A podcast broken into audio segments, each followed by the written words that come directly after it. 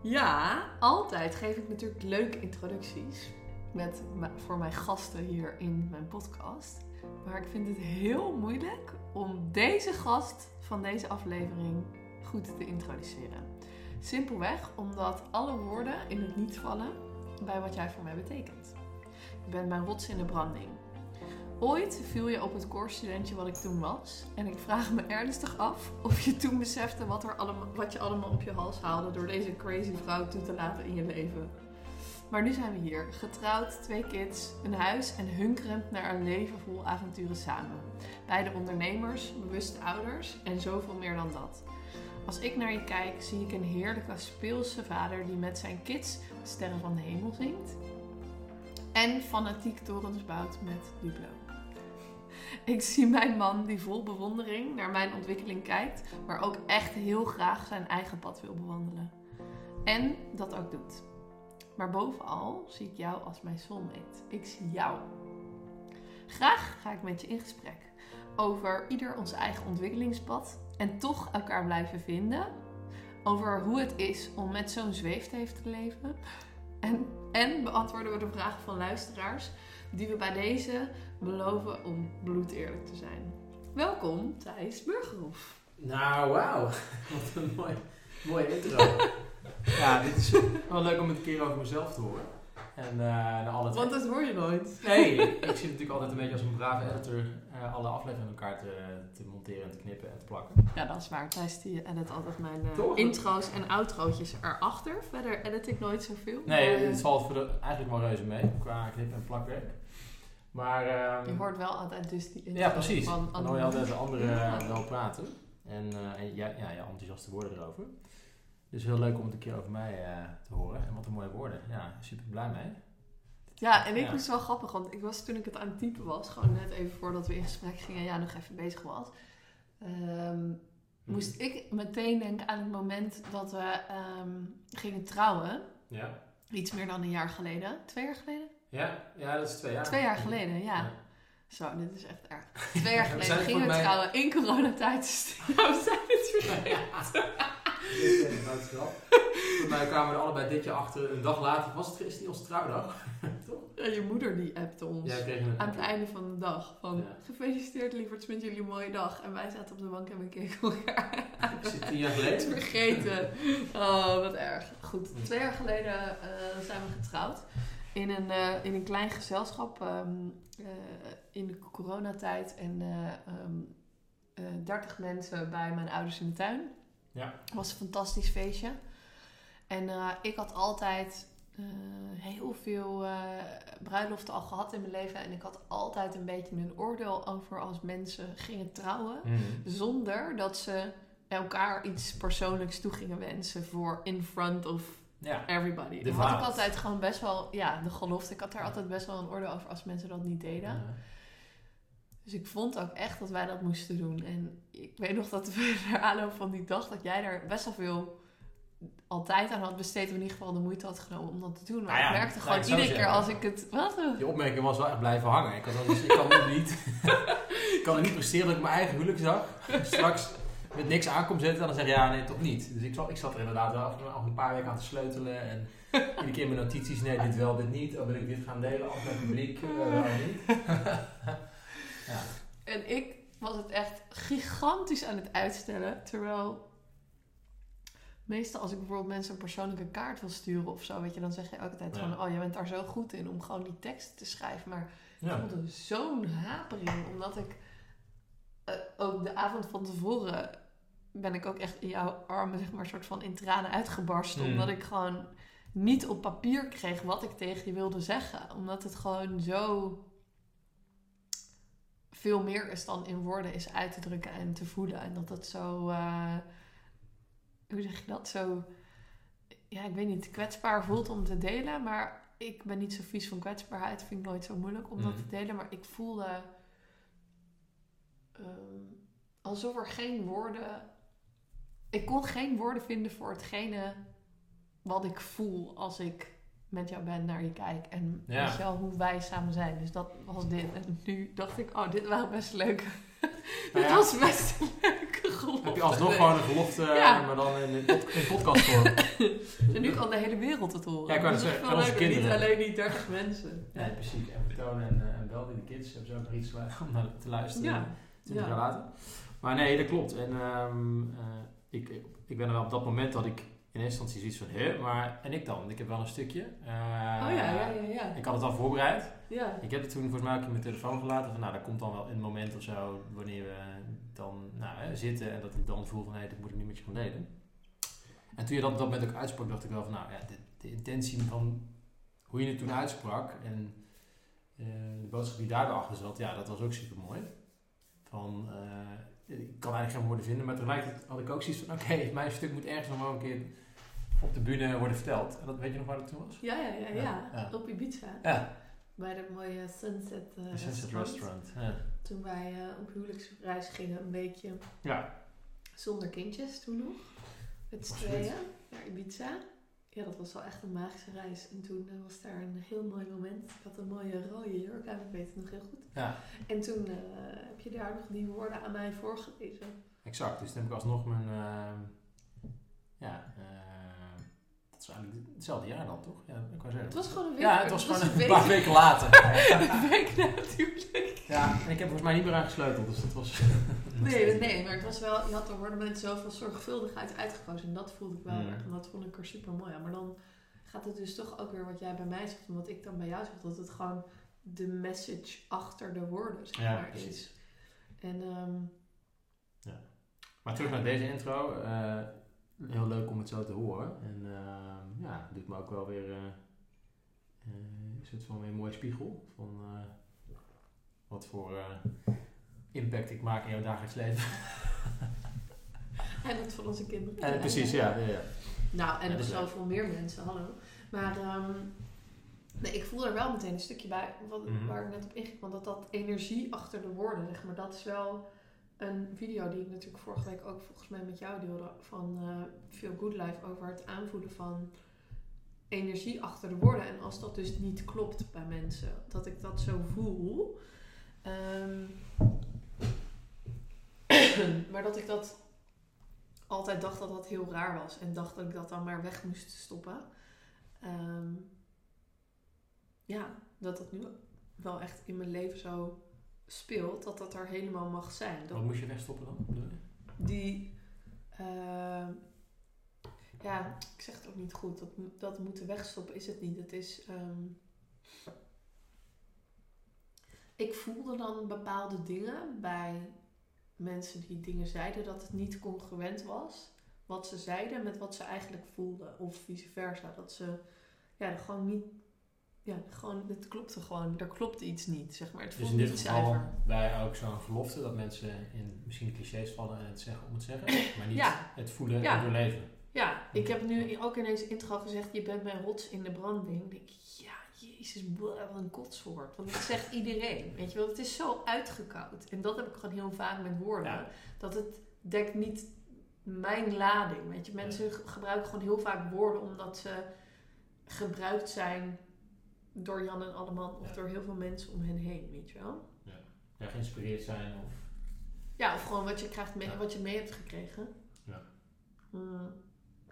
wat je aanleert. Ja. Ja. Maar ja, door er dan wel persoonlijk ingrediënt aan toe te voegen, eh, maak je het natuurlijk wel weer eigen. ja dan dat wordt het jouw verhaal. Eh, maar ik snap wel eh, de, ja, de achterliggende message. Ja, en dan alsnog kan je natuurlijk rots in de branding als ik dat helemaal voel. En, want dat voel ik ook echt zo bij jou. Kan ik dat natuurlijk ook laden met de energie die ik het mee wil geven. En dan is dat ook met Ja. die energie geladen, zeg maar. Ja. Oké. Nou, dat was de intro. Nou, goede Leuk. intro. Ja. En ehm, ja, we hebben natuurlijk super veel leuke vragen gekregen van luisteraars. Dus ik denk dat ik daar gewoon even mee ga beginnen met eentje. En ik denk dat er dan wel allemaal. Ja. leuke dingen wel aan bod komen die we willen bespreken. En eh, Laten we kijken waar eh, de schip ons naartoe. stranden. Ja, de vragen ons naartoe brengen. Ja, want iemand die vroeg, ehm, een van de luisteraars die vroeg ook van hoe, hoe onze persoonlijke ontwikkelingsreis er heeft uitgezien. En hoe die dan van elkaar verschillen. En waar we elkaar dan bijvoorbeeld wel in vonden of niet. Wil jij eh, beginnen of eh, zal ik? Ehm, ja, persoonlijke ontwikkelingsreizen. Ehm, nou ja, ik denk dat wat ik altijd wel tegen mensen eh, zeg en heb gezegd is, om even een beetje terug te gaan, en ik neem jullie even mee terug in de historie van ons samen zijn. Ehm, kijk, op een gegeven moment is er natuurlijk in, in jouw leven iets heftigs gebeurd. En nu moet even de burn-out fase, waarin jij op een gegeven moment ehm, nou, ja, eh, op punt kwam in je leven waarin alles eh, eh, even totaal anders werd. En Niks is wat het lijkt. Nee, precies. nou ja, in ieder geval wel eh je achteraf natuurlijk ook daar dankbaar voor bent geweest, maar op dat moment ehm, eigenlijk ook voor jezelf een soort journey bent gestart van wie ben ik nou en eh, wie is mijn ware versie, zeg maar. Even een korte Ja. samenvatting Ja, voor de ja, ja. luisteraar. Ja. Ehm, en heb ik eigenlijk dat altijd vanaf het begin af aan wel gezien als van, hé, hey, omdat wij ook natuurlijk in zekere zin best wel veel op elkaar lijken, dat ik het eigenlijk heel, ja, eh, misschien is leerzaam niet het goede woord, maar ik had wel altijd zoiets van, hé, hey, wacht eens even, misschien zit er in jouw pad eh, ook wel dingen voor mezelf in waar ik ehm, heel erg in, op jou lijk en waar ik eigenlijk zelf ook nog wel baat heb in wat jij allemaal aan het ontwikkelen en aan het ontplooien bent. En er kwamen heel veel dingen waarvan ik dacht, je- jeetje, maar dit is echt super interessant eigenlijk. En nou, wacht, misschien is dit voor mij ook wel eh, relevant. En of voor ons samen, weet je wel. En ehm, ja, ik denk dat dat wel een soort van uitgangspunt was voor mezelf. Om ehm, eh, in ieder geval te weten van, oké, dit wordt gewoon een soort ontwikkelingstocht waarin ik ook aangehaakt blijf. en op een gegeven moment Hè?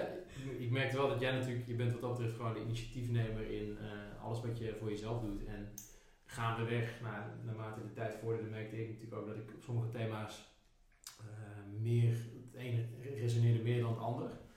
En ben ik zelf een beetje een soort van keuzes gaan maken van, ah, ja, dit vind ik interessant, hm, misschien moet ik dit wel lezen. Oh nee, dit boek vind ik voor mij veel interessanter. Dus ja, kwam dat voor mij op een gegeven moment een beetje terloops. Van dat bepaalde thema's, bijvoorbeeld, eh, nou nu in dit geval, op dit moment in mijn leven, dat ik breathwork bijvoorbeeld interessant vind. Of dat ik een, eh, een boek aan het lezen ben, eh, No More Mr. Nice Guy. Dat dat nu in één keer dan een thema is die bij mij heel erg past. Mhm. Eh, snap je? Ja, ja, helemaal. En het was natuurlijk ook best wel een zoektocht daarin, denk ik. Want als we het hebben over hoe, hoe blijf je dan zeg maar in verbinding met elkaar, terwijl je wel eigenlijk allebei zo'n eigen pad aan het bewandelen bent. Ja.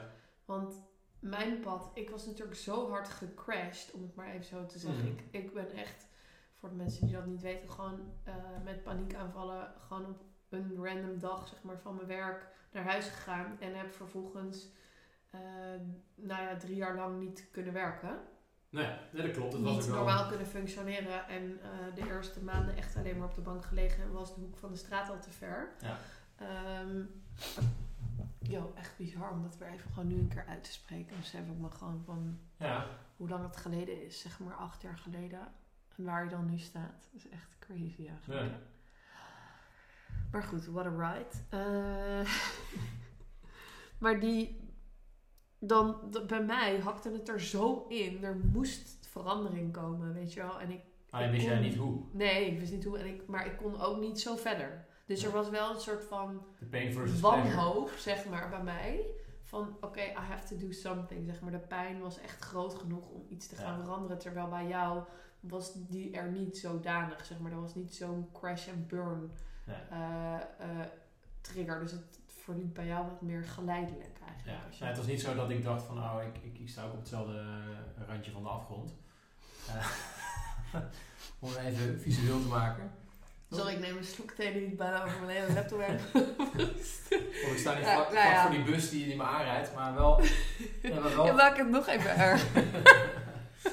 nee, maar eh alle Oh, gekheid op een stokje. Nee, maar wel dat ik... Ik had wel een bepaalde dingen dat ik dacht van, oh ja... ehm wij op een gegeven moment... We, gingen natuurlijk allebei op dat moment dezelfde stap maken. Einde studie. eh, eh, eerste carrière. Eerste bedrijf. Waar gingen we werken? Weet je, dat soort dingen. Dat waren heel erg herkenbare thema's. En Opeens. Opeens was dat voor jou in één keer pats boem, wat de fuck gebeurt eh, nu met mij? En dacht ik, hé, hey, maar misschien kan dat ook wel bij mij gebeuren, weet je wel? Ja, en ook best wel bizar dat dat eigenlijk echt zo tegelijk samenkwam met het moment dat we zouden gaan samenwonen. Ja, Dat het echt zo... ja, Ja, ik weet niet. Ook met terugwerkende kracht, dan denk ik echt... Dan, dan voelt jouw rol daarin ook zo waardevol en zo bijzonder, zeg maar. En daarom heb ik het ook gewoon wel vaker over soulmates. Omdat het echt voelt alsof je, eh, als je in de juiste relatie zit. En wat is dan de juiste? Maar voor mij voelt de relatie met jou als de juiste. Hmm. Omdat het gewoon ook echt naast aardsniveau ook echt dat zielsniveau raakt. Dat we gewoon echt op een bepaald mo- moment in elkaars leven kwamen. En dat jouw entering into my life, zeg maar, daar echt voor heeft gezorgd dat ik me kon overgeven aan een lijf wat gewoon zei tot hier en niet verder. En dat dat niet, eh, ja, ja, dat had ik daarvoor anders niet gekund. Zeg maar, wat was er dan gebeurd? Ja, dat, dat heeft ook geen zin om daar helemaal in te En haken. maar ik gewoon... voel in ieder geval heel erg de, de, de waardering voor jou daarin. Dat jij er op dat moment, zeg maar, voor mij was. En dat ik, dat dat ook echt een enabler is geweest van... Oké, hij is nu met jou, nu kan die burn-out wel komen, zeg maar. Terwijl als ik daarvoor eh, dat dat gehad, weet ik niet wat er dan met me gebeurd was. Ja, omdat je gewoon aan het gaan was en gewoon in een soort, hoe zeg je dat, modus was, modus operandi van ik ga gewoon en Ja, alles op de automatische piloot. En Ja. ehm, ja. jij opende natuurlijk ook in die zin wel letterlijk mijn hart. Van, mooi. ik heb gewoon eerder wel relaties gehad. Ik had al heel vroeg eh, een eerste vriendje, zeg maar, van mijn eh vijftiende tot en met mijn 18, 19e. Dat was heel serieus voor die leeftijd al. Ook heel eh, liefdevol, maar aan het einde ook een beetje verknipt. En toen had ik besloten van ja, die jongens, dat, die mannen, dat is allemaal niet echt te vertrouwen. Hier gaan we even anders mee om. Dus dat cadeautje kreeg ik. toch? ja, maar dat, maar dat was mijn hele studententijd, dacht ik toen. ik, Ja, ik moet niet echt verder meer hele serieuze relaties aangaan. Omdat ik dacht, ja, oké, als ik dat nu weer ga doen, dan is het ook gewoon echt the one. En dan is het the one, the Hmm. one. Wil jij vertellen over hoe we elkaar hebben ontmoet? Ik heb dat eigenlijk nooit gedeeld. Nou ja, als, we dat ook dat is, even- maar dat was zo leuk. kunnen we ook als bonus doen, aan het einde van de aflevering. Ja, een kassa koopje. Ja, toch? Precies. ja, dat waren we even als toegift, dat is leuk. Nee, het is leuk om met te beginnen te doen. Ja? Ja. Nou ja, er was eens, eh, Dat was dus een dating dit was wel een van de tekstregels uit mijn uh, VAO's, besef ik nu. Er was eens een meisje op de hoek van de straat die bij een barman aan de bar stond. Ja? En dat is precies hoe het was. Ik stond aan de bar, nee niet aan de bar, achter de bar bij Café Vrijdag in Amsterdam. Eh, En ik stond aan de bar. Precies. Aan de bar meerdere keren in de week. En een keer gegeten met je moeder. En op een gegeven moment was daar in het begin van de populariteitsjaren van de magische app Tinder. Was daar een, een doordeweekse avond. En toen zat ik op Tinder en dacht ik, hé, hey, ken ik jou niet ergens van? Volgens mij zat dit meisje uit de bar. En jij dacht, Ja, ik zat op de bank met mijn huisgenoot en ik zei: Ja. Oh, dit is die leuke barman van Café Vrijdag. Kijk, kijk, kijk. niets vermoedend. Liken, liken. Ja, Of wat doe je ook weer? Taggen, sharen? ja naar rechts swipen. Matchen. Swipen. Swipen. Matchen. Taggen, delen. like en win. Maar, eh, nou ja, dat klopt. En toen eh, had jij nog het, het, verlangen slash vermoeden dat ik eh, eh, ongeveer twee meter... Nou ja, ik had gewoon altijd uitgesproken. Ik had altijd uitgesproken. Weet je, al- mijn man die gaat sowieso langer zijn dan ik. Want anders wordt het hem gewoon niet. Dat En vice gaat versa. gewoon niet. En vice versa. Ik kan gewoon niet. Ik wil gewoon een lange man bij wie ik me helemaal gedragen en gesteund word. En ik Vol? altijd gezegd van, nee, maar ik wil... Je vriendin wordt wel sowieso iets korter dan... en toch bracht het lot, lot ons samen. En Ja joh, ik weet nog dat ik voordat wij gingen daten, die eerste date, het is natuurlijk wel zo spannend, zo'n blind date, maar ik vond dat eigenlijk ook altijd hartstikke leuk, want ik ga altijd wel goed gewoon met opnieuw mensen, met nieuwe Mm. mensen praten, vind ik nooit zo moeilijk. Ik denk altijd, ja, oké, prima.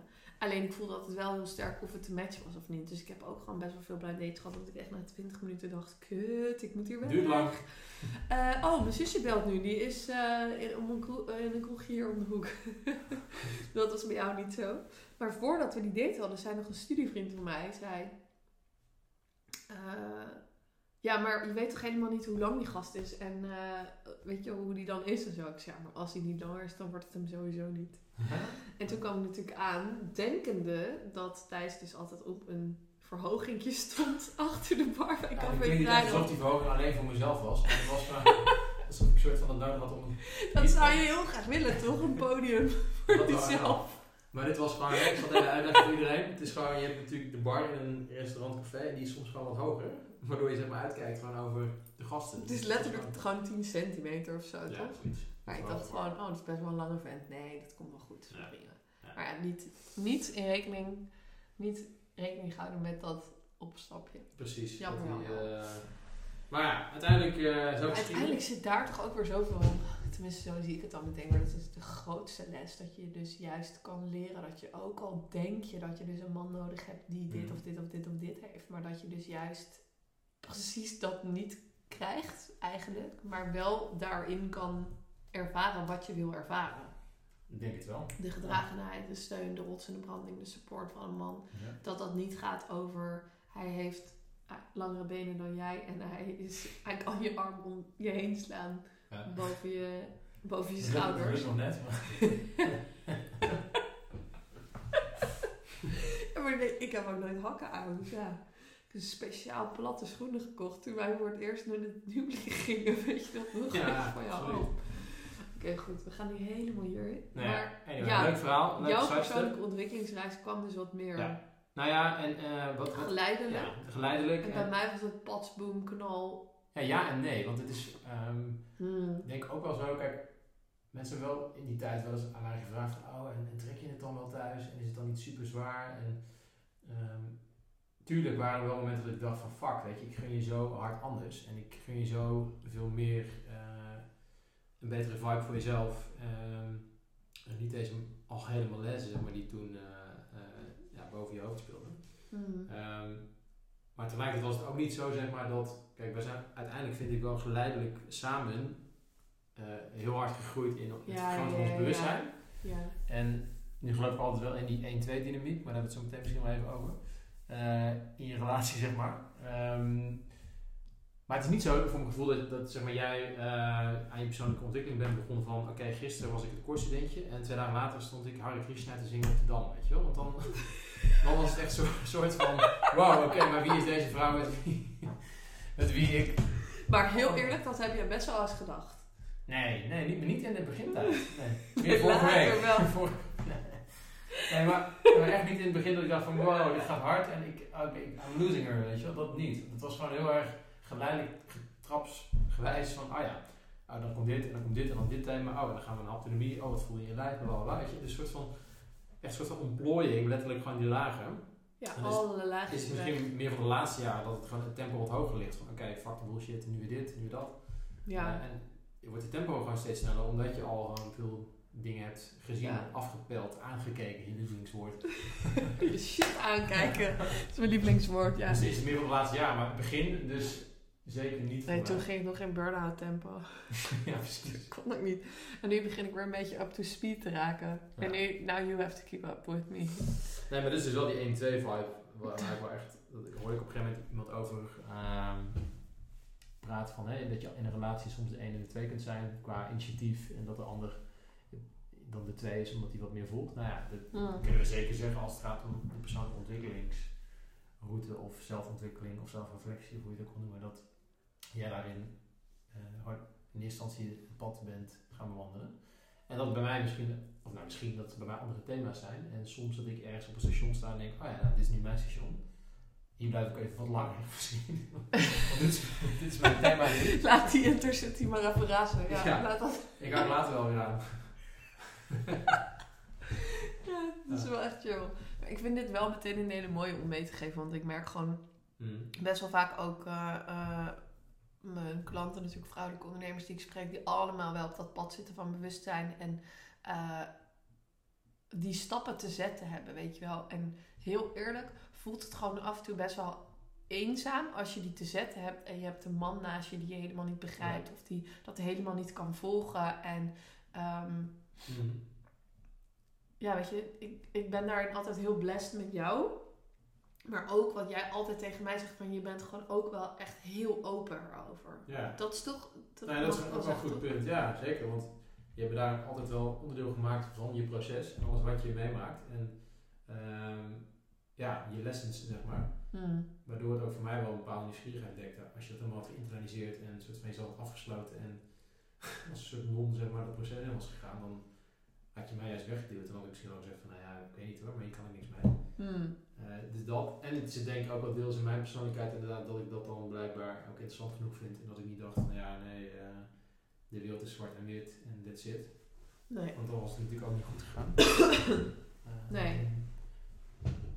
Nee, dat dat, is ook zo. Ja. Maar het is wel gewoon, ja, die, ik, ik voel gewoon best wel vaak tussen stellen, zeg maar, die soort van strijd of die dynamiek zou ik het liever willen noemen. Van de vrouw die dus eerst dat pad heeft te nemen, te bewandelen in dat bewustzijn. En ik heb gewoon echt het gevoel dat de mannen daarin iets meer mogen volgen. Terwijl eigenlijk de man natuurlijk vanuit masculiniteit niet een volgzaam wezen is. Snap je? Die wil juist gewoon Ja. die leader of the pack zijn. En dus dat vraagt heel veel voor eh, de man. Beetje de leidende merrie. masculine. ja, hier moet ik ook even aan denken. Maar dat is zo'n mooi eh, voorbeeld wat ik ooit van Tessa Deen, een vriendin van mij, heb geleerd. Die eh coaches met paarden. En zij zei altijd dat, of zij, zei, zij deelde met mij dat hem in een groep paarden, dat zijn natuurlijk prooidieren. Dus als zij niet eh, goed samenwerken in harmonie, dan zijn ze makkelijker een prooi voor hun predators, voor hun jagers. En zij hebben daarin altijd de leidende merrie, die bepaalt zeg maar de koers, de richting. Ehm, dus waar bewegen we naartoe? Zeg maar, er zit best wel een flow al in. Ik zit ook lekker met mijn hand mee te bewegen. Gewoon een flow in die beweging. En de man is de mannelijke leider van de, de hengst zeg maar, van de groep. Die loopt veel meer achterop als een soort van de backbone van de groep. De veiligheid, de, de, de ja, soort van gedragene bedding, de Fundament. fundament van de achterwacht. Van hé, hey, we gaan met z'n allen die kant op, weet je wel. Iedereen gaat mee en het is veilig om te gaan, let's go. Ik vind dat altijd wel een hele fijne om, ehm, om zo te zien. En ik weet niet of die één op één ook te leggen is van paarden naar mensen. Maar ik Mm. herken hem in ons gezin zeker altijd wel. Omdat we... ehm, ja, omdat, omdat dat wel een beetje onze dynamiek is. Ja. Ik ben meer die initiërende, zeg maar. En jij vindt gewoon ook heel vaak dingen gewoon heel erg oké. totdat je bepaalde dingen niet oké vindt. En dan horen we dat natuurlijk ook. Ja. Ja. Ja, en dat, dat er soms ook wel thema's zijn waarin je juist als man zijnde wel eh, het fijn vindt om wel die richting te geven, letterlijk. Al is het een richting geven op, oké, we gaan nu daarheen, want dat vind ik een goed idee. Of, we moeten nu naar die camping, want dat is echt een hele goede keuze. you better like it. nee, maar wel, in, dat zijn denk ik, volgens mij is dat ook een beetje een soort van het oermasculine van, je wil eh, daar een soort guidance geven of richting geven. eh, zonder dat je je wil doordrukt. Maar ook dat is voor mij nu ook wel echt een soort on- ja, nieuwe ontdekkingsstof van wat is dat nou dat masculine, omdat het natuurlijk ook zo in onze maatschappij zit de laatste jaren van oh, je bent als masculin ben je eh, fel en daadkrachtig en alsof dat zeg maar het enige is. Mhm. Dat hem juist ook zit in die andere kant van het spectrum. Ehm, Wat is dan de andere kant van het spectrum voor jou? nou ja, ook juist veel meer in eh, gewoon de, de, de luisteraar zijn en er letterlijk voor iemand zijn in plaats van dingen te willen fixen of hè, iets wat ik natuurlijk, Zei jij nou fixen? wat ik natuurlijk nu wat, wat een beetje pad misschien eh zijdelings is. Leuk voor de luisteraar. Daarover later meer. Nee, nee, maar dat is wel gewoon mooi om, om te... Ik wil daar best over delen, want dat is gewoon een beetje altijd onze persoonlijke dynamiek. Dat als, het, als er met mij iets aan de hand is en jij komt gewoon uit een gezin waarin zorgen voor elkaar en zorg dragen voor anderen heel hoog staat. Super veel liefde en Mhm. warmte aanwezig en heel veel gastvrijheid en zorg en dingen. En het is jouw patroon om dan heel erg voor mij te gaan zorgen, maar bijna allemaal dingen uit mijn handen te nemen, zeg maar. En, en, en bijvoorbeeld dingen in huis te gaan fixen, zoals een lamp die moet worden opgehangen. Of, Ja, dat is ik noem het ja. maar even. Nee, maar gewoon echt zo van die Ja, hele praktisch, praktische ja. dingen. Waarvan jij voelt, oh, maar dan ga ik dit even voor haar regelen en dit, dit, dit en dit. Terwijl wat de kinderen heel... even mee. Of, ja. Ik, ik wil eigenlijk alleen maar gewoon heel even, het kleine meisje in mij wil gewoon even gezien worden en gehoord worden. En letterlijk alleen even uitspreken. En, Ja, ja. En dat er even iemand luistert en die zegt, it's gonna be okay. You're okay. Weet je, het is oké, het is oké. Het is oké. Ja, voor mij is dat Alles mag er zijn. Ik ben er. Zoiets. En dat, ja, maar dat is, ik vind dat echt de meest magische transformatie die jij echt in al die jaren hebt doorgemaakt. Dat je dit nu ook ziet en voelt en belichaamt. Wat dat dus betekent. Dat je dus, ik voel het ook gewoon in energie. Dat je gewoon een stapje maakt in je mind van...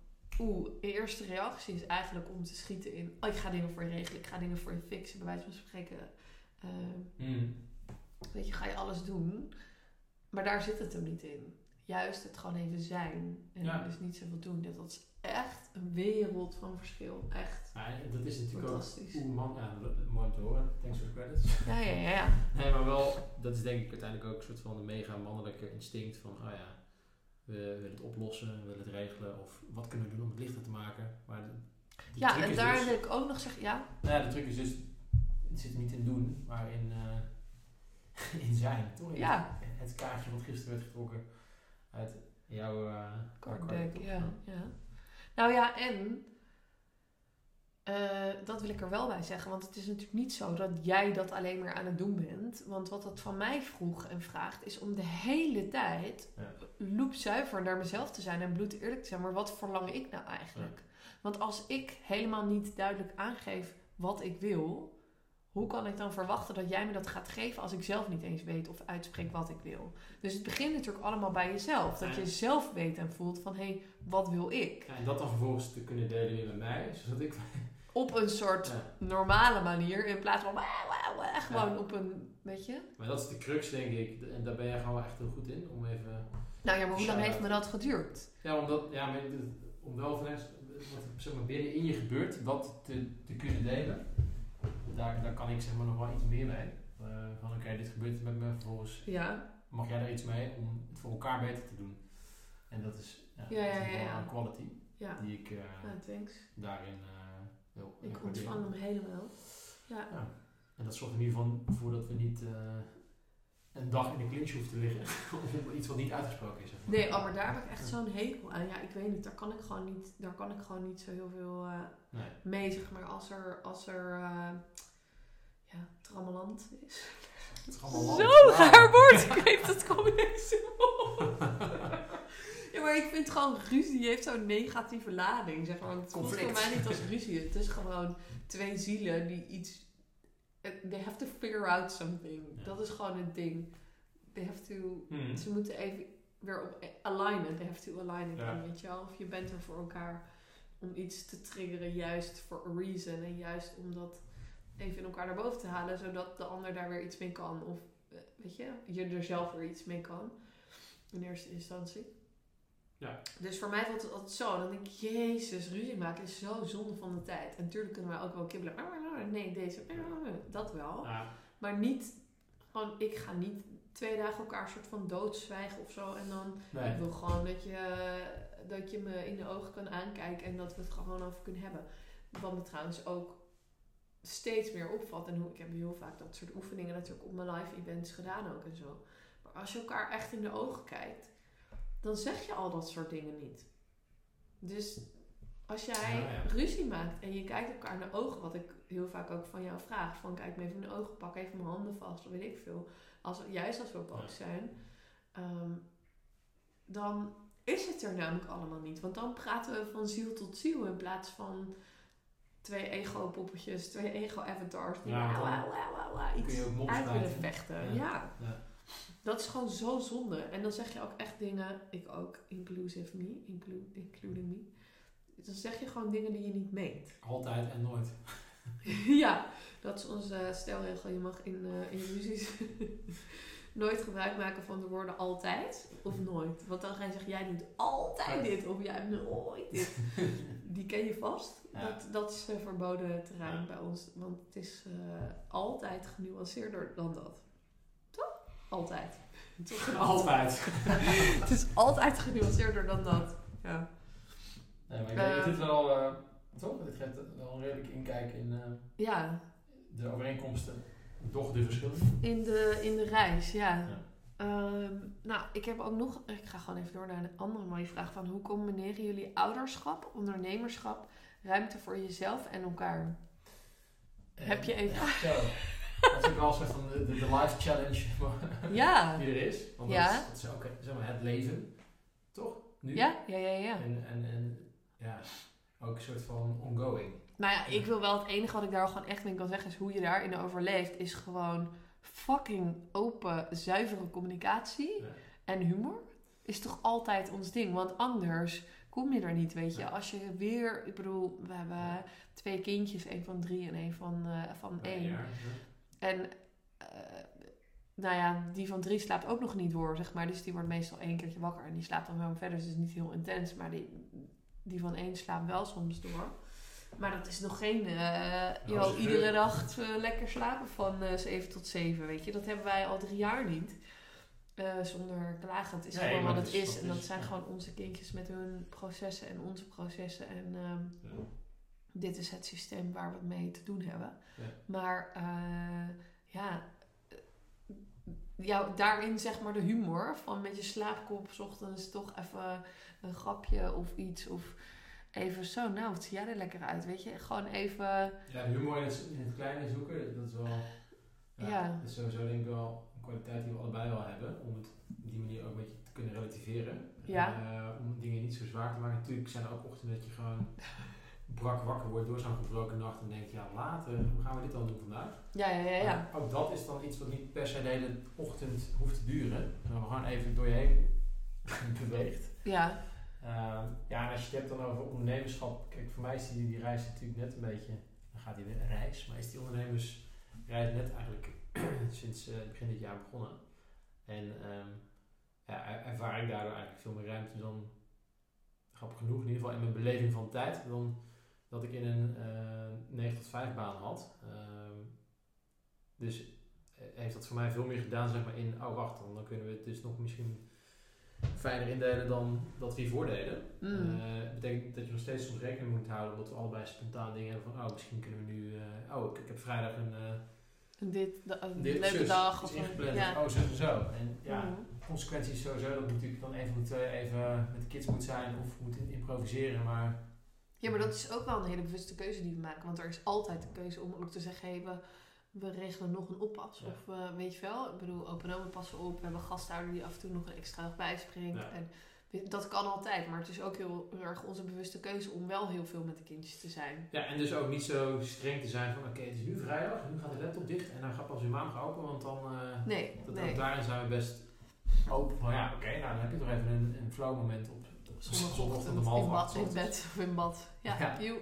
Ja, oké, dat betekent wel dat we even het ontbijt laten doen of dit dat. Dus daar dan ook de flexibiliteit in houden. Er zijn Ja, ook heel veel mensen die daar denk ik minder goed mee om kunnen gaan. ja. Die dan heel streng zijn van, nee, nou, niet zozeer streng, maar duidelijk van, oké, weekend is weekend. Is bij ons ook, alleen het, ja, maar ja, wij hebben ook wel eens weekend, een weekenddag op maandag. ja, dan begint het weekend zo. Als de kinderen er niet zijn. Nee, maar ik bedoel, we hebben ook wel eens gewoon juist op een werkdag dat in één keer de gasthouder er niet is. Of open oma hebben gereld van dag. En dan zitten we in één keer op een door de weekse dag te doen alsof het weekend is met het Ja. ons gezin. En ik vind die flexibiliteit echt heerlijk. Ja. En af en toe vind ik het heel uitdagend om dan na te denken over hoe dat er dan uitziet als ze naar school gaan. En ik weet ook gewoon eerlijk gezegd echt nog niet zo goed hoe, hoe zich dat gaat eh, ontwikkelen. Geen idee. Nee.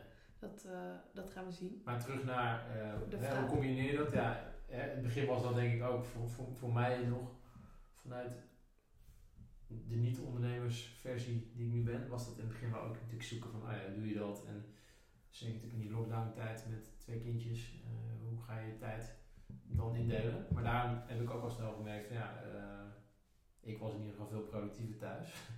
Dus ik kon het werk ook clusteren en daardoor ook de tijd inbouwen Mm. van, oh ja, nou dan kan ik jou nu even je tijd geven om dingen te doen. Of, oh, nu ga ik naar de speeltuin met kids, want eh, ik doe vanavond wel even een uurtje of straks even twee dingen. Ja. Dus daarin ook een soort van voor jezelf de, ja, de creativiteit en flexibiliteit in opzoeken. Mm. Ik denk dat we daar op zich allebei heel goed in zijn.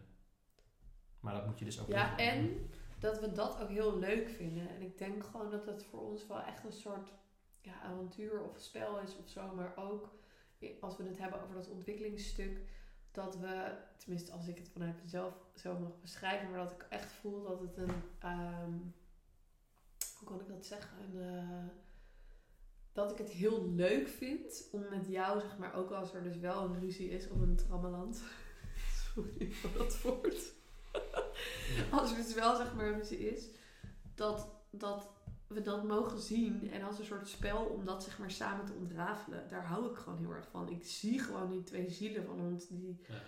they're up for more, zeg maar, they're up for the adventure and they want to play. Echt beter in dan ik. Soms vind ik het in het moment wel lastiger om dat te combineren en uit te zoomen van, ah wacht, misschien zit hier op dit moment wel een hele goede les in. Bij mij komt het dan even een kwartier later, denk ik. Of drie uur. Of drie dagen. nee, maar het is wel gewoon. Ik vind dat heel leuk. En ehm, nee, ik heb natuurlijk ook van de week eh, eh, een- ook onze eigen, maar ook andere mooie stellen in sessies mogen begeleiden. Met Mhm. het systemisch werken en het familiesysteem. Van hé, hey, als je allebei je eigen plek kan innemen.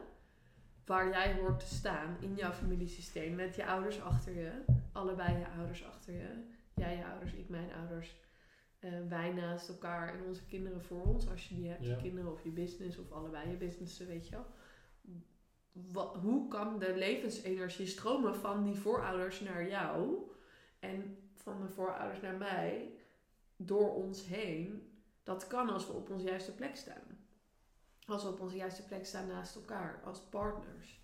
Eh, als daar geen kind tussen zit, als daar geen bepaald verdriet tussen zit of wrok tussen zit, weet je, als je dat echt samen kan doen, ja, daar zit het hem gewoon in. En ik vind dat spel vind ik vet interessant en leuk. Maar ik denk ook wel dat deze zienswijze, zeg maar. Excuus. Lekker doest, allebei twee uit. kinderen onder de drie jaar, joe. Ja.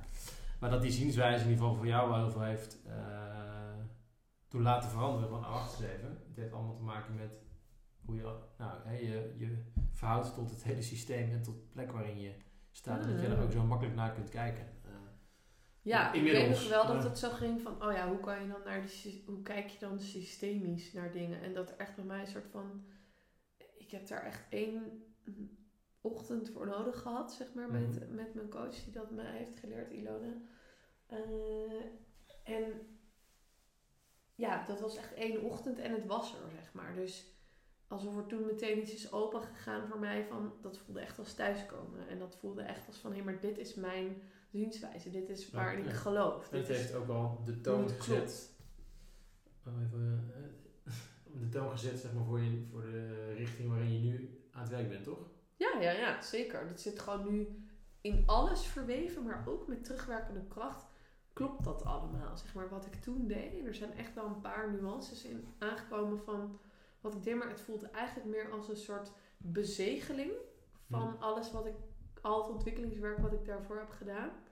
In mijn bewustwording en zo. Ja. Wat ik heb gedaan als mens, dat het echt voelt als een bezegeling van.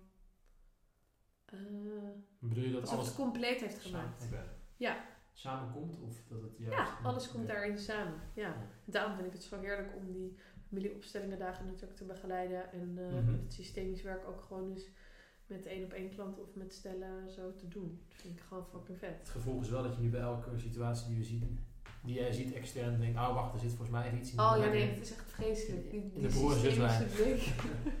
die systemische blik moet ik ook af en toe uitzetten, dan word ik helemaal gek. Ik weet dat nog laatst toen ik op een wat familieweekend was met jouw, week, of met jouw familie, dat ik echt dacht, oh my god, nee, stop, stop, stop. I have to turn it off. Want Ja. het blijft anders gewoon aanstaan. Mm. Dus dat is wel leuk. Maar en ik wilde ook nog zeggen over het combineren van die dingen. Weet je wel, ik snap heel erg de vraag van hoe wil je het combineren. Maar eigenlijk als ik er nu op invul, denk ik... mm, Van ondernemerschap en... ja, eh, hoe je al die rollen soort van combineert. Maar je bent maar één iemand. Snap je? En ik had natuurlijk laatst echt dat inzicht dat ik... Dat ik eh, ehm, een tijd geleden was dat, ik weet niet meer wanneer toen... Had ik gesprekken met mijn ouders gehad en mijn vader die heeft altijd zijn eigen onderneming gehad, maar die heeft daar keihard voor gewerkt met heel veel plezier. Dus daar heeft hij een heel goed voorbeeld voor mij, voor mij gezet. Maar wel altijd heel hard moeten werken in de zin van veel uren moeten maken, Mhm. veel van zijn energie en zijn tijd moeten geven voor zijn onderneming. Ehm, Ja. Eh, mijn moeder, die was een hele aanwezige moeder, zeg maar, in die tijd. Die was gewoon met ons heel veel tijd. Gewoon aanwezig, fysiek. En ehm, eh, daar ook super dankbaar voor. Maar ik voelde dus in één keer in mij, dat heb ik toen ook met jou gedeeld, dat ik dacht, ik wil die die beide rollen probeer ik een soort van 100% te vervullen. Maar dat kan natuurlijk niet, want ik ben maar één iemand. Mhm. Ik ben maar één persoon. Ik kan niet zeg maar 100% zo'n dedicated ondernemer zijn als mijn vader. En ik kan niet 100% zo'n dedicated moeder zijn als mijn moeder. En dat in één persoon tot mij samenvoegen. Tegelijkertijd. Want dan voelt het dus alsof ik altijd niet genoeg doe aan mijn business en altijd niet genoeg doe aan mijn kinderen. Of er niet genoeg voor hun ben. Dus als ik het allebei op 50% wil doen, ja, dat klinkt ook heel aardig trouwens. Het is natuurlijk helemaal niet zo zwart op wit te verdelen, maar het is meer, ehm, ja, ik weet niet, de, ja, balans is zo'n suf woord, maar Mhm. dat je voelt van, hé, hey, ik kan het niet allebei. En, en jij kiest de ene dag voor het ene en de andere dag voor het ander. Of je kiest Ja. heel dedicated. Weet je, ik vind het super mooi om te zien moeders die er helemaal dedicated voor hun kinderen kunnen zijn. En ik vind het fucking awesome om te zien dat er vrouwen zijn die kinderen hebben, maar die ook helemaal voor het ondernemen kiezen. En ehm, iedereen zijn of haar eigen pad daarin. Voor mijzelf heb ik ook ooit wel eens tegen jou gezegd, is er niks zo purposeful, zeg maar niks wat me meer voldoening zou geven dan het zijn van moeder. Ja. Omdat ik gewoon voel dat daar voor mij als vrouw, dat ik daar de grootste impact kan maken voor mezelf. Door aanwezig te zijn, de bijdrage te leveren die voor mijn kind, kinderen zijn, er voor jou te zijn Mhm. als mijn man. Ehm, ja, dat, dat, dat zit nergens daarin, zeg maar. En dat neemt niet weg hoe leuk ik mijn business vind. Nee. En hoe graag ik mensen daarin help. Nee. Maar die roep van de kinderen naar de moeder, Mhm. ehm, ja, Ja. die is gewoon heel voelbaar. Nou, ik denk dat het bij jou in de begintijd misschien nog af en toe nog steeds wel is van, oh ja, je, je bent dan wel zoekende van, oh, als je aan het werk bent, dan wil je eigenlijk met je kinderen zijn. En Ja. als je met je kinderen bent, dan wil je eigenlijk Ja. een soort inspiratiemoment pakken wat je dan voelt. Hm. Maar dat je daar dan heel erg ook een moment wordt getriggerd van, oké, wat is nu het belangrijkst? Of, Ja, ehm, ik heb nu gekozen hiervoor. ja, Dus dan is dit consequentie, zeg maar. Ja. Ik vind dat wel eens lastig soms, hoor, dat ik denk, oh, maar ik kan wel even als hij een filmpje kijkt, toon, dan kan ik naar huis nog even twee e-mails versturen. Alleen dan ja, voel je ook dat het niet helemaal lekker combineert, want je gaat twee werelden weer combineren en je bent half aanwezig. En Ja, ja, dus dat is uiteindelijk wat ik ook zeg, het is een soort van ongoing thema, waarin we volgens mij ook niet soort van hoeven pretenderen dat we, heilig zijn. Nee, Nee. oh, zeker dat we wel niet. magisch doen en dat. En het- ook niet dat het soort van af is. nee, zeker Want ik niet. denk dat iedere leeftijd van de kids en iedere bewustzijnsfase van jezelf of iedere fase waar je zelf doorheen beweegt Ja. weer En jij als ondernemer en ik Ja. in een freelance bestaan. Ja. nieuwe, eh, eh, mm, ja, hoe zeg je dat? Nieuwe bewustzijnslagen van je vraagt en nieuwe keuzes te maken vraagt, weet Ja. je wel? Ja. Dat dat, ja, ja, gewoon heel, heel mooi eigenlijk. Mhm. Maar ik vind het dus meer een, eh, een spel. Ja. Wat we Een niet altijd makkelijk spel. Nou ja, en ook zoeken natuurlijk van hoe kunnen we het soms nog eh, leuker voor onszelf regelen. Eh, Ja. Ja. Ja, en hierin hielp wel echt die vraag. Toevallig, ik had vandaag nog gedeeld dat ik er eigenlijk een podcast over op wilde nemen, omdat die vraag wel echt mijn leven heeft veranderd. Maar toen deelde Veri, mijn eh, heerlijke soul sister, die deelde daar al die vraag op Instagram. Dus we zaten lekker synchroon in dezelfde energie. Maar de hele tijd de vragen van wat wil ik nu? Naar, naar de vraag van wat wil er? Wat wil er door mij heen stromen? En dat is zo'n andere beweging, want dan voel je de gedragenheid van de stroom. Dan voel je de, ja, de flow of life eigenlijk door je heen bewegen. En dan is er een hele andere energie die je meeneemt. mm, In plaats van dat jij iets moet kiezen nu en daarmee het dus ook goed of fout kan doen of zo. Dat legt zoveel druk op die keuzes. Maar wat is dan de grootste game changer om die even te gebruiken? De, die, zin, die vraag. Ja, Van, niet de hele tijd van, maar wat wil je? Wat wil ik? Wat wil ik? Wat wil ik? Daar is gewoon volledige Mhm.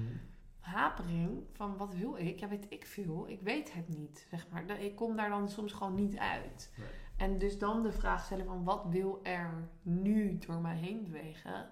Ja, dat was heel duidelijk een paar dagen geleden van oh, ik wil gewoon die podcast met jou opnemen.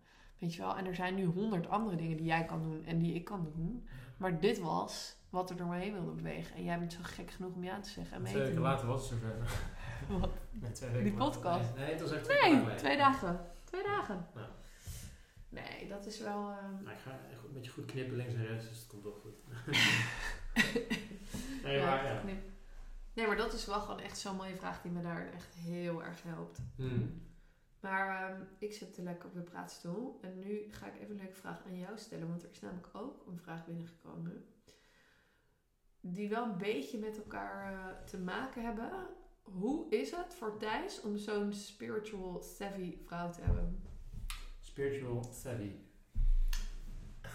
Ja, dan kom je toch weer een beetje terug, denk ik, naar die eerste vraag natuurlijk. Van, hè, hoe eh, met die ontwikkelingstochten eh, van elkaar.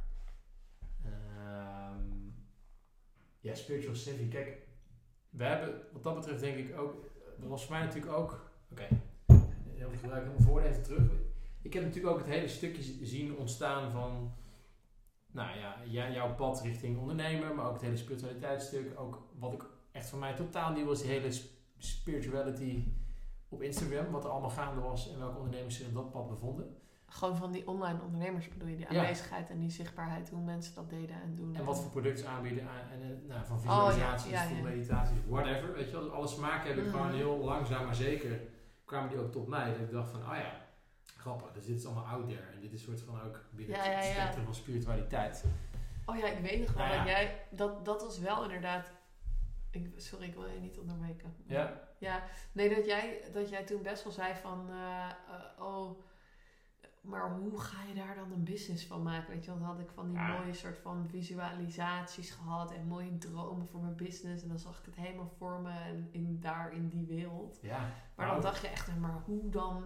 Ja, en ik was, ik was best wel oordelend ook, want dan zag ik mensen voorbij komen, eh, weet ik veel, eh, allerlei verschillende nou ja, eh, profielen. Ik dacht, oké, maar hè, verdienen ze hier dan geld mee en hoe dan, wie is dan een doelgroep? Zo heel marketingkritisch ging ik daar dan naar kijken.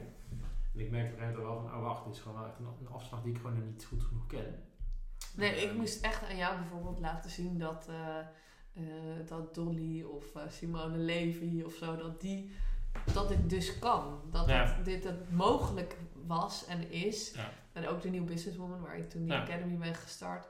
Dat het mogelijk is om dus als vrouw je business te bouwen van je roeping, je purpose, of hoe het ook maar wordt genoemd, je intuïtieve gift, zeg maar, dat je daar een business van kan maken. Ja, dus dat, dat dat, dat, heeft wel echt geholpen ook, hè, om, om te zien van, oké, wacht, dit is dus ook en dit kan dus ook. En hier kunnen mensen dus fucking succesvol zijn. Maar dat is dan misschien meer het ondernemersstuk. Het spiritualiteitsstuk, kijk, Oh. Uiteindelijk zijn we denk ik ook gewoon begonnen met boeken als eh Eckhart Tolle. En eh, nou ja, voor, dat waren dingen die op een gegeven moment kwamen. En weet je, andere soort, je zit me echt aan te kijken van waar heb jij het over? Maar dat zijn ook wel boeken toch die op tafel kwamen. En nou, allemaal een beetje dat soort... Ja, nee, ik keek meer zo omdat ik water inschonk wat zoveel geluid maakt. Ik, Ah, klopt. ik dacht meer van, dit boek heb je het over. Nee, die Eckhart Tolle, maar dat vond ik wel een moeilijk boek om, om in te komen. Ja, nou, wat ik eigenlijk wel mee wil zeggen is van, ik denk dat we gewoon we samen, en jij daarin dan voorop eh, wellicht, eh, van, van light naar eh, light spiritual naar best wel heavy user eh met gegaan. happy user. Maar nu eigenlijk helemaal niet, toch? Nou ja, helemaal, helemaal niet. niet, maar gewoon... Nou ja, je hebt het allemaal gezien en overal aangeproefd ja. En gesnuffeld. en we wel gewoon overal Nou, ik niet zeggen niet gesnuffeld, gewoon deep dive. Ja, dive- dive deep, in ja, gegaan. Ik bedoel, wat heb ik niet Kopje gedaan? Nee, onder. geprobeerd, toch? Ja, nee, dat is zeker waar. Maar daar kan ik nu ook met heel veel humor naar terugkijken. Maar Ja. ik dacht toen dat ik het allemaal heel erg nodig had. Maar het is denk ik, kijk, Nu heb ik Als je mij een paar jaar geleden bi- zo'n biodanza filmpje liet zien van ik vertrek, dan, dan zat ik echt te lachen van nou kijk die mensen. Oh ja, dat is zo. Maar inmiddels kijken we naar en denken we, oh ja, nou dit is zo, ja tuurlijk, lekker doen weet je wel. Dit is helemaal waar je Ja, bij hoort. ja. En, en dat is denk ik het grote verschil nu dat ik... Nu gaat iedereen dat filmpje opzoeken. ja, ik biodans. Ja. Maar wel dat je daar een soort van al minder veroordelend naar kijkt en ook denkt van nou wacht, dus dit is dus hun belief van deze lui die daar gewoon goed op gaan. Ja, En, dat is echt een verruimende, verruimende blik. Ja, en ehm, Maar goed, hoe is het om te leven met zo Ja, iemand? Dat nou, is natuurlijk de vraag. De grap is wel gewoon, doordat je zo open bent en altijd alles met me deelt, dat ik soms ook denk, oké, inderdaad, oh, dit is, wat is dit nou weer voor thema? Dus soms word ik echt nog wel eens verrast door dingen en ik denk, oké. Wat ja. was dan een grote verrassing? Ja, ik zit even te denken. Wat nou echt een beetje... eh, ja. Maar ik denk dat er wel momenten zijn geweest waarbij ik misschien dacht van... hm, ik weet niet wat ik hiervan vind. Ehm, nou ja, volgens mij heb jij dat uiteindelijk zelf had je daar ook niet zoveel mee. Maar bijvoorbeeld met dat... Weet je wat op je pizza speelde met dat kikker gif, weet je wel? Wat je dan Oh, Cambo. ja, dat ik echt dacht van, nee, maar dit, is, dit heeft niks met spiritualiteit te maken. Dit is gewoon een soort van indianenachtige gebruik en dat dan in je lijf. Dat ik dacht van, nou, hier, voel- ik helemaal is niks mee. eigenlijk weer heel natuurlijk, hè? Ja, dat wel. Maar dat is natuurlijk altijd de vraag. Ik vind dat zo'n interessante discussie. De laatst ook met iemand van... Wat is zweverigheid? Ik had natuurlijk met Veri heel lang de zweverige club... wat echt snoeihard bedoeld was met een knipoog. Van, want ik, wij zeiden ook altijd van... Al die zweverige ervaringen die we aangingen... Energy healings, uh, aura readings, whatever, noem het maar... eh, channelings, eh, regressietherapie, eh I've tried it all. Ehm, Nou ja, maar, maar wij zijn altijd in de zweverige club van het leek heel zweverig voor anderen, maar mij bracht het meer thuis, zeg maar, Ja. en meer in mezelf dan ooit tevoren. Ik leerde daarvan dingen van mezelf kennen die ik daarvoor was vergeten, zeg maar, of dat, die ik die niet meer Ja. wist. Dus het heeft mij vet veel gebracht. Ik merk nu alleen dat er ook gewoon heel veel antwoorden blijven zweven, zeg maar, in dat open, intuïtieve veld daarboven of in het universum. ja, Als je ze niet thuis kan brengen in je lichaam. Dus gewoon het lijf is voor mij nu wel het allerbelangrijkste instrument om naar Ja. te luisteren. En als dat niet gegrond is, niet geaard is, dan kan je daarboven allemaal mooi zweven, zweven, zweven. Mhm. Maar je leeft hier op aarde. ja dat, dat, je natuurlijk ook wel eens vaak tegen van uiteindelijk speelt het zich ook hier af. En Dus waar, als je, ja, Ja, waar ik in het begin denk ik op een gegeven moment beetje een soort van dacht van, ja maar wacht, hoe werkt het dan, weet je wel? Met alles is de bedoeling. oh ja, die is wel lastig voor jou. Ja. Nou ja, die, ik, ik gebruik hem heel vaak opportunistisch. Dat ik denk van, ah ja, klopt. Nou ja, dit, nou, het zal bedoeling zijn dat ik nu dit eh, leuke ding in mijn leven ervaar. En als Ja, dan- dan een keer anders uitpakt, ik denk, ja, godver, is dit nou de bedoeling? Maar ik weet wel steeds, Nou ja, dat zeg je wel mooi, want dat is wel echt mijn, dat is mijn, zo hard mijn geloof. Dat alles de bedoeling is wat er in jouw leven gebeurt. Dat alles de bedoeling is. Eh, en heel vaak kunnen mensen die heel erg interpreteren van... Oh, kijk, ik heb de Love Attraction gebruikt en ik heb dit gemanifesteerd. En dit is de bedoeling, want het is gebeurd. Maar die doen het dan niet als er kutdingen op hun leven Ja. gebeurt, weet je wel? Ik heb dit eigenlijk nog helemaal niet gedeeld, maar bijvoorbeeld onze Urban Arrow die is gestolen jawel. een paar weken geleden. Ehm, en ook daarvan voel ik nu zo hard dat het de bedoeling is. En dat is Ja. niet leuk altijd voor mensen om te horen. Jij vindt dat ook niet altijd per se chill als ik dat dan zeg. Ja, maar dat is dus blijkbaar de bedoeling. Nou, en dat zeg ik niet meteen nadat hij is gejat. Hè, maar wel vrij snel. Nog hangen in het soort van aardse slachtofferschap van, hallo, we zijn een braaf gezin en waarom pikt iemand onze fietsen? Ja, Recht onder onze raam, weet je wel? dat. blijf met je tengels van mijn fiets af. Ja. de spullen. Ja, ja, ja, maar dat is wel... Ja, dat is wel gewoon echt... Nou ja, en, kijk, maar dat is er ook. hè. maar even terug naar Alleen de vraag. ik zie dan dus meteen dat slachtofferdynamiek weer slachtoffer-dader-dynamiek. Ja. Nou ja, precies. En dan, dan komen jouw wat? Systemische... systemische bevindingen Ja. op de hoek kijken. En ja, het scheelt nogmaals weer heel erg dat je, jij, je, je maakt mij dan wel weer onderdeel van jouw optiek en hoe je er naar kijkt en hoe je het ervaart. En dan denk ik, ah ja, wacht, hier zit wel iets interessants in. Dus terug naar de vraag, hoe is het om te leven met spiritual savvy? Jij bent echt goed hier om de hele tijd terug te gaan naar die vraag. Ik vergeet dat de hele tijd. Dan ben ik helemaal Ja? lekker in zo'n Ja, sidetrackje. ik ben toch een is lekker. podcast Dat is lekker. Ga door. Keep it going. Nou ja, het is dus wel dan het grote voordeel dat je mij dus onderdeel dan maakt van hetgeen wat je doormaakt, vindt, leest, whatever. Dus dat het niet soort van, dat ik niet een lonesome cowboy ben van, ah ja, geen idee waar deze chick het over heeft en eh, nou, ik ga maar mijn eigen kant opslaan. Ehm, maar dat, het, dat ik soms wel, zie- ja, misschien een eigen ervaring ben, dat die gewoon anders is in het moment zelf. Ook niet altijd per se hetzelfde is. Mhm. Ehm, ja. Nee, maar ik heb ook niet het idee dat jij je dan heel erg laat leiden door mijn eh, ervaring of zo. Dat je daar best wel los van bent van... eh, Ja. Je hoort mij wel aan of zo en je accepteert het helemaal. Je laat me ook best wel veel of je Ja. vraagt er wel over. Of soms vind je ook wel iets raar of gek, weet ik veel. Hmm. Helemaal fijn. Dan Ja. vraag je me wel. Maar eh, het is niet zo dat dat dat jij dat of helemaal overneemt of helemaal afkraakt. Afkraakt, zeg ja. maar. Het is gewoon een beetje een soort van... Ja, dat heeft denk ik misschien ook wel te maken met om, Neutraal, om mezelf neutral. dan een, een klop op de borst te geven, maar weer van... Ja, zeker wel. Zou ik even doen. Of klop op de schouder, wat is het nou? Klop op de borst? klop op de schouder. Allebei. Een schouderklopje Schouder. en een klop op de borst. Ja, van nou, ik ben knetter open-minded, maar ik denk wel dat het scheelt dat ik in ieder geval niet dan de deur dicht gooi van nee, hier ben ik het niet mee eens. En, eh, Je zit er maar aan met je rare zweterige Ja. shit en je medicijndoosje. ik weet wel nog over Spiritual. Seven ja, over Spiritual Seven dat de eerste keer toen ik Tony Robbins zag, dat ik dacht, oh mijn god, wie is deze man met een soort leeuwenstem die voetbalstadion naar voetbalstadion aan elkaar praat met zesdaagse soort van Hmm. one-man shows. Ik dacht, oké, wat is dit, weet je wel? Wat is, en dat ik op een gegeven moment toen ontdekte, oké, ja. dit is echt iets heel totaal nieuws. En, maar het verraste me in, denk ik, in meer een positieve zin. Ik dacht van, oh, oké, dus dit, dit kan, ik vond het ook gewoon een soort mega interessant iets van, Mm. het kan dus zo ook. En je kunt dus ook gewoon op deze manier zoveel mensen Maar inspireren. vind je hem heel spiritual? Nee, toch? Nee, maar toen wel toch. Toen we hem net een beetje zagen over waar hij het allemaal over had. En hoe je kijkt naar het leven. En Ja, dan meer gewoon die holistische view. ja, Ja, ja, ja. Ik vond hem wel, misschien is hij wel een beetje de, het soort van eerste Ja. grote, in ieder geval grootste. Ja, maar voor mij hangt er nu ook gewoon weer een beetje zo spiri- spiritualiteit gewoon een beetje iets raar omheen. Want ik denk... Ja, het is gewoon ook voor Instagram. Voor Instagram. Vind ik wel. Het toch? is Het is ook, gehyped. nou ja, het komt wel. Dat hoor je natuurlijk ook, Dat ook je al super spiritual bent als je allemaal stenen hebt. En Yoga doet vier keer in de week. Ja, en naar Ibiza dat. vliegt. En, ja. terwijl voor mij zit er eerder een soort wat ik gewoon best wel vaak te horen krijg. Ehm, wat niet per se negatief is, maar gewoon een soort ehm, ongrijpbaar, ehm, mysterieus, weet je wel. Omdat er iets niet te grijpen is. En dat komt gewoon bij mij omdat ik vertrouw dat alles dus de bedoeling is.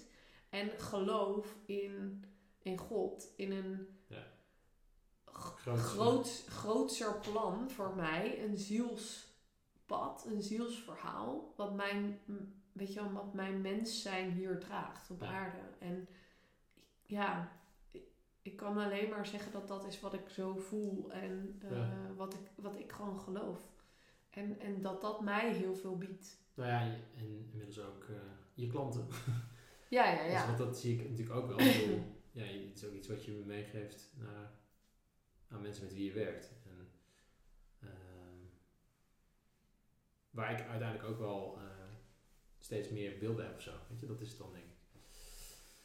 Ehm, dus is dit een beetje een antwoord op, eh, op de vraag? Ja, ik denk het wel. Maar er is er nog eentje die ook daar een beetje bij aansluit, die ik ook heel leuk vind. Hm? Wanneer begreep hij wat jij doorkrijgt? Wat jij Wil je doorkrijgt. ever? Wil je Will you ever? Ja, maar- dan, dan voelt het erg zo, eh, zo wat jij doorkrijgt. Dus gewoon eigenlijk alle en dat soort. Hmm.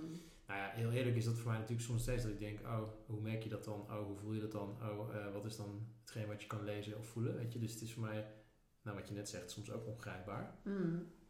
Maar ehm, ja, ook weer terug naar dat je dan wel weer probeert onderdeel te maken van wat je ervaart. Ehm, en ik merk soms ook nog wel eens dat we soms zelf dezelfde dingen ervaren of zo bij bepaalde situaties of mensen die je denkt van, hé, hey, wacht eens even. Ja, mij- ja, ja, maar jij bent ook is gewoon heel sensitief, zeg maar. En zintuigelijk en ook gewoon mega spiritueel. nee, maar het heeft niet zoveel met spiritueel te maken. Het heeft meer te maken met openness en groundedness. Dus hoe ben je gegrond? Hoe open sta je? Ehm, met wat je intuïtief door kan krijgen. En ja, hoe kan je je daarop afstemmen? En ik denk dat ik geloof dat iedereen dat op een andere, op zijn of haar eigen manier doet. En dat daar echt onze magic in zit, onze intuïtieve gifts. En dat dat ook echt onze roeping is. En dat we daar allemaal een business van zouden kunnen maken. Als Ja. we dat zouden willen en verlangen. En ik weet dat dit voor heel veel mensen nog heel ver weg is. Maar hopelijk niet voor mijn luisteraars. Want anders eh, zit je hier niet helemaal goed. Ga terug naar start. Ga terug naar stad. Maar, ehm ja, start. Waar, ga je, waar begin je dan? Ja, ja, begin Niet bij mijn podcast. Nee. maar begin maar bij podcast Aflevering 1 één. van seizoen 1. Ja.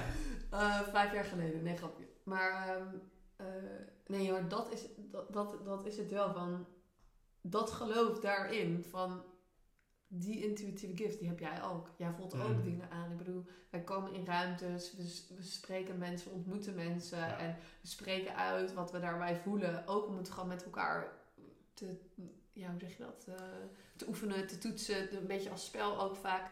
Ja, dat ook, En- want precies wat je zegt, het is ook spel en soms ook gewoon weer vanuit die humor, weet je wel. Eh, ook bijvoorbeeld, nou ja, het huis wat we gekocht hebben, weet je wel. Dat is er ook vanuit een bepaalde relaxedheid van, nou, wat is ons favoriete getal? 33, oké. We doen een bot dat eindigt op 33. ja, ja, ja, ja, Eh, zeker. dus kijken wat, hoe het uitpakt en... eh, Maar ik weet wel zeker, weet je wel, want we hebben gewoon een, lij- eh, gewoon een boodschappenlijst gemaakt voor dit huis op papier gezet en gezegd: Ja. Oké, eh, dit is wat we willen en iedereen voor dit bedrag. En iedereen zei: Ja, dat kan niet. Nee. Nee, we hebben letterlijk voor dat bedrag en 33 euro meer, of 333 euro ja. meer. Eh, hebben we dat allemaal gekregen op één ding na. En dat is een open keuken. Je moet wat te wensen over... Maar die is nog te realiseren. eh, dus eigenlijk, weet je wel, hebben we in die markt waar dat zogenaamd niet kon, hebben we dat wel helemaal gerealiseerd. Maar er zat enerzijds een soort van fun in. ja. Helemaal de joy in de fun. En anderzijds het gewoon ook loslaten van, ja, maar dat gaat gewoon komen. Ja. Gewoon diep vertrouwen. Het is niet eens meer vertrouwen, het is gewoon weten. Ja. Gewoon, maar ik weet gewoon dat dit gaat komen. Nou ja, en kijk, uiteindelijk ben ik denk ik wel in sommige situaties misschien dan, als je het over de polariteit en misschien meer de realist, hè, dat ik gewoon, dat ik soms wel ben, oké ja, is goed, maar ik wil ook gewoon, eh, bijvoorbeeld weet ik veel, dat ik eh, van ons twee gaan, nou we hebben een eh, financieel plan voor, weet ik veel, eh, voor de bakfiets, dat ik het zo wil regelen. Hè, dan, wil- dan wil ik ons ook wij- van ons twee accountable maken. Ja, Terwijl jij dan al van tevoren jouw belief hebt, nou joh, it will figure it out itself. Uh, En dan vind ik het wel nog wel eens lastig om daar helemaal mee te gaan. Dan denk ik, ja, dat is goed, maar dat is ook gewoon aards leven, voor mijn gevoel dan. Terwijl, dat is voor mij een ongoing les om daar veel meer in te stappen en te denken, oké, het komt ook wel vanzelf. Ja, maar voor mij is het weer de les om ook af en toe wel gewoon even die realistische shit gewoon te regelen en Ja. te managen, weet je wel. Want dat is ook gewoon nodig. Het is er allebei. Het is natuurlijk niet een goed of fout. En daarom zijn we natuurlijk ook met elkaar.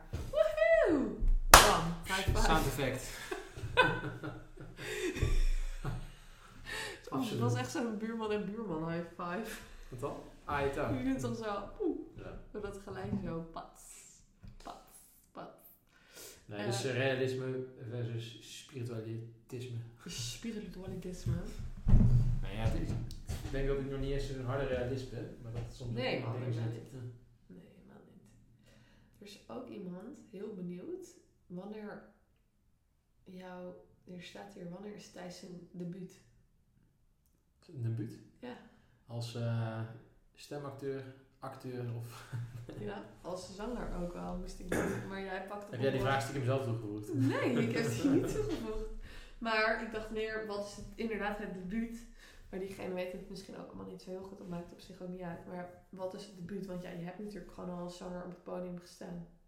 Dus ja, dat is niet eens meer een debuut. Nee, nee, dit is natuurlijk gewoon ook ontstaan als een soort, eh hoe zeg je mooie, mooie kans en weet je, vanuit mijn eigen intentie van het gewoon een grap en dit is een Hollandstalig feestje 200 mensen en mag een podium pakken en een paar nummertjes zingen.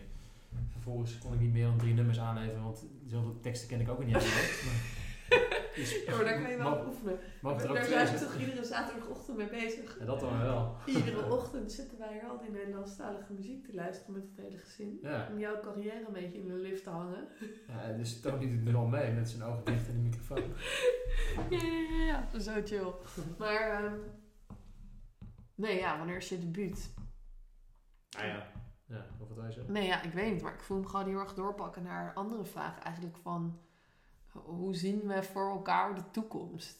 Want als ik gewoon naar jouw toekomst kijk, kijk, ik heb het al super vaak met je gedeeld, maar ik zie gewoon hier een full potential, zeg maar. Kijk, Thijs die is gewoon echt op zijn vijftigste, dan is hij gewoon zo'n Tom Waas acteur, weet je. En we zeggen altijd Tom Waas omdat het gewoon een hele leuke man is, vinden wij.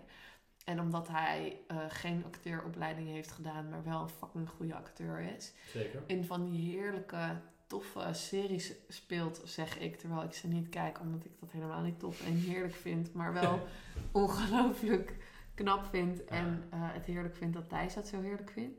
Dat jij dat zo heerlijk vindt. Mhm. Mm, Nou, het is wel een inspirerende...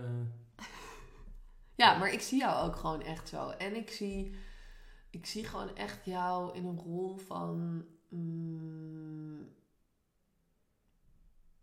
adviseur.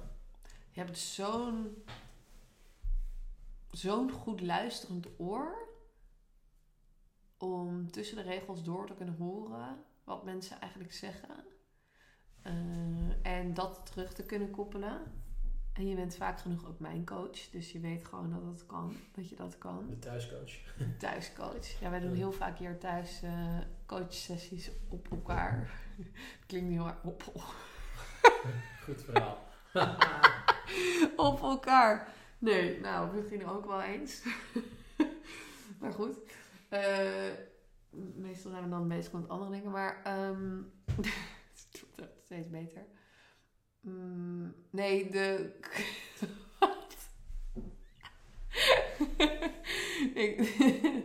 maar gewoon, ik vind heel erg dat, dat, dat alles wat ik teach aan mijn klanten, dat ik dat zelf ook heb te belichamen. Dus de, de manieren van coachen, de oefeningen die ik presenteer, die zijn altijd gebaseerd op dingen waar ik zelf ook de ervaring heb doorlopen.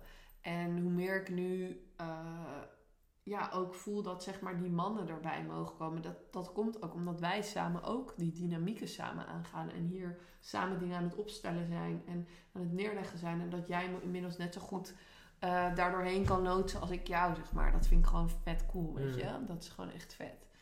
Dus ik zie daar heel veel voor jou. Ja, ik denk echt dat iedereen in zijn handjes mag knijpen als een soort adviseur. Zoals jij naast ze zal staan. Aha. Ja, dat denk ik wel. En, uh, maar ik denk ook dat je gewoon een manusje van alles wordt. En, en dat klinkt misschien een beetje zo... Um, Winterschilder. Wat? De winterschilder. In de winter ben ik schilder en in de zomer ben ik ijsjesverkoper. Want dat toont een lach op iedereen's gezicht. Nee, um, nee gewoon, gewoon doen wat, ja, weet je wel, waar je op mhm. dat moment blij van wordt. Nou, het is in ieder geval ook nu een ontdek ontdekkingstocht om. Van wat is dat nou? En uh, kan ik inderdaad gewoon meerdere dingen gaan proberen en uh, daar een hele nieuwe invulling aan geven. Ja. Zoals ik het nog niet ken, maar ja. stiekem wel leuk vind. Ja, en ik zie je wel gewoon echt op een podium staan. Maar dan wel in de vorm van.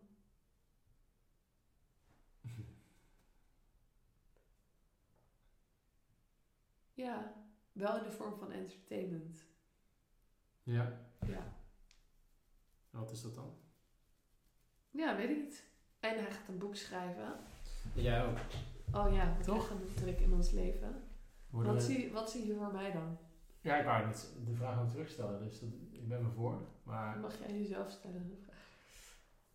Um, hoe ik het voor jou zie, voor me zie. Ja, wat nou, voor leuke dingen je voor mij voor je ziet. Ja, over, over podium zie ik hem bij jou ook wel echt voor me. Uh, dat jij nog, eh, ik weet niet op welke termijn, maar dat jij nog voor een grote zaal jouw hè, geloof en alles wat je hebt meegemaakt, nou, die bezegeling wat je al eerder aangaf mm. Het begin van deze podcast, um, dat je dat echt ten tonele brengt voor een nog grotere, uh, letterlijk gewoon een grote audience in één keer. Uh, dus dat is eigenlijk gewoon een live podcast. ja, dat zie ik absoluut voor me. Um, en eigenlijk alles wat je nu een beetje aan het ontvouwen bent, volgens mij, nou, de, de, nieuwe. Uh, de new me. De new me, maar ook de dingen die daaronder gaan vallen. En dat je, nou ja, laatst natuurlijk ook, um, uh, je in de stijl hier uh, gecoacht. Ja. Dat daar in één keer nieuwe dingen ontstaan. Ja. Hoe vind je dat? Ja, mannen en vrouwen. Ik ja. vind het gewoon heel tof. Ja. Om te doen, die stellen. Ja, dat je, voelt gewoon kun je ook heel veel in kwijt. Ja, heel veel. Omdat ik ook voel dat die, dat de bewustwordingsslag ook mag overslaan naar die mannen. En mannen hebben daarin zelf werk te doen, maar toch ook echt te verbinden met die vrouwen, zeg maar. De vrouwen hebben daarin werk zelf te doen, maar om dan dat samen te brengen, dat vind ik heel magical.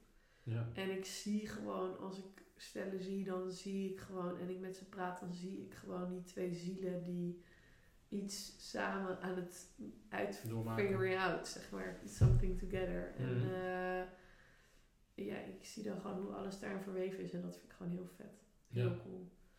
Maar verder ook gewoon super tof die opstellingen dagen om te doen. Ik was zelf natuurlijk meer die één op één klanten aan het begeleiden steeds. En hoewel dat ook echt wel blijft, Mhm. voel ik ook wel.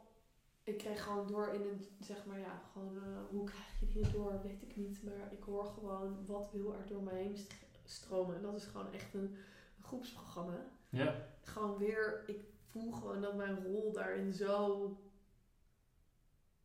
zo legit is. Hoe zeg je dat? Gewoon Ja. zo, Maar dat heb ik ook gezien in, in de vorige groepsrondes die je deed. ja, dat is gewoon zo Er magical. gebeurt gewoon heel veel. En ook, ik weet ook dat al die meiden daarin onderling in successen gingen delen met jou. Nou ja, vooral omdat gewoon in vrouwengroepen is het gewoon zo vaak zo moeilijk om als vrouw te blijven staan. Omdat vrouwen elkaar gewoon heel vaak het licht niet gunnen. Ja. En ehm, ik doorzie bij iedereen haar ziel, haar essentie. En als je die meteen kan plaatsen in de groep, dan is dat helemaal niet meer nodig. Haal die Dan is dat bullshit eruit. helemaal weg. Nou ja. Ja, al die spelletjes, al die bullshit is gewoon niet nodig. Dus ik breng ze eigenlijk op hetzelfde gelijke hoogte. Bedankt voor deze leuke vraag en intro. Het is meteen een leuk promopraatje. Ja, dat wel. Native advertising. Native advertising, heet dat zo? Absoluut. Oh. Ja, we Deze podcast wordt mede mogelijk gemaakt door florentinzuur.nl. Kijk voor meer informatie over het groepstraject wat start op 14 november. Klik op de link in de show notes van deze aflevering. Oh jongens, ja oké, goeie, thank you. Nee, maar dat is wel zo. Hij begint wel overigens 14 november, want dan is mijn verjaardag. Joehoe! Ja, dat is een Leuk, leuke... leuk. eh, Dus als je hem daarvoor luistert, dan eh kan je nog meedoen. Heel tof. Echt heel veel zin in. Dus, en dat podium, ja, die voel ik ook.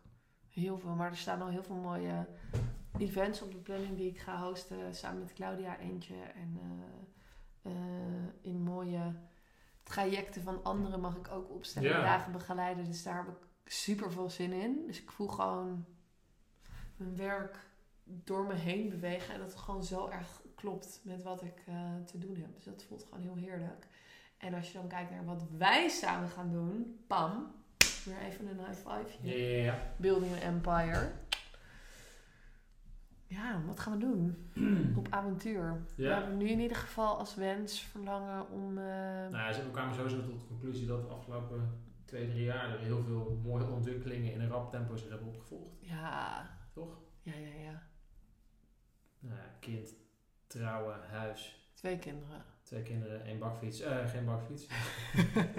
nee, maar wel, ja, wel dat plaatje zeg maar heel, heel snel en heel mooi is gegaan. Ja, En dat, ja, dat je nu ook wel weer eh, naar de volgende fase van avonturen Hmm. moet groeien. Hmm. Toch?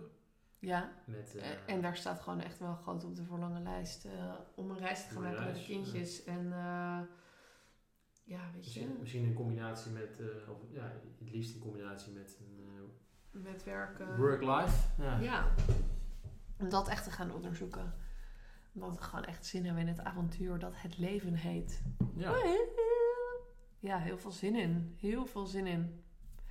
Ehm, even kijken, want we hadden nog één hele leuke vraag. Nee, ja, wij gaan gewoon die mooie dingen creëren samen. Daar heb ik heel Mhm. veel zin in. Ehm, Simone, die vraagt... Wanneer gaan we weer op date met z'n vieren? Op date met z'n vieren. Nou, dan moet ze even een voorstel doen in de appgroep. Meris en de Engste, appgroep. Zo heet die. Daar mag je even een voorstel plaatsen. Heel graag weer een date met z'n vieren, met eh, Bob en Simone. Ehm, de laatste keer dat we daar een date mee hadden, zouden we ook een podcast opnemen. Ja, dat is niet Dat gebeurd. liep iets anders.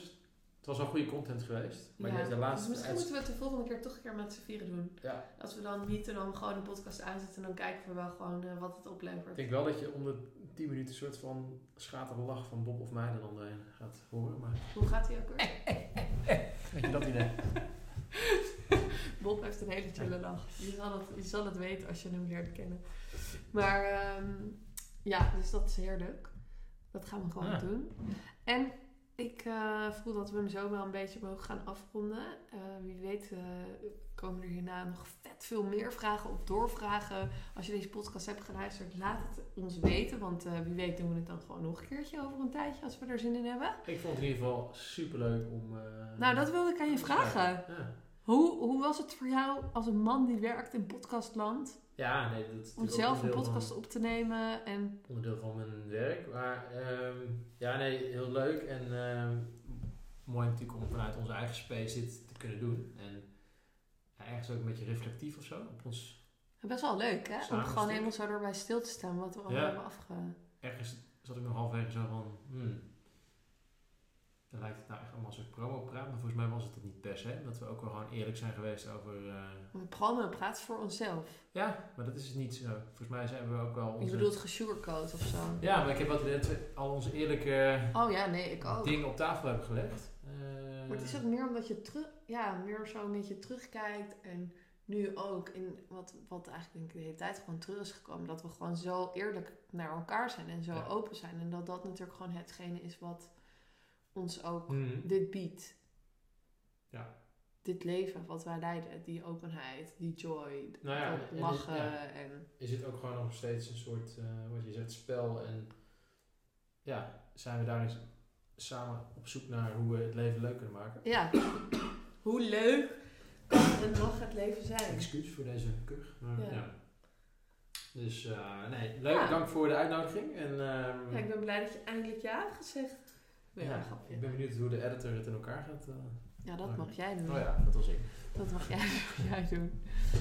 Ja, thanks. Ja, en eh, tot de volgende. Yes, dit was hem weer even voor nu. Maar ik vind het echt vet leuk om te horen als je hebt geluisterd. Wat het bij jou in beweging heeft gezet. Wat er weer is gaan stromen. Welke inzichten je hebt gekregen. Dus schroom niet om die met me te delen.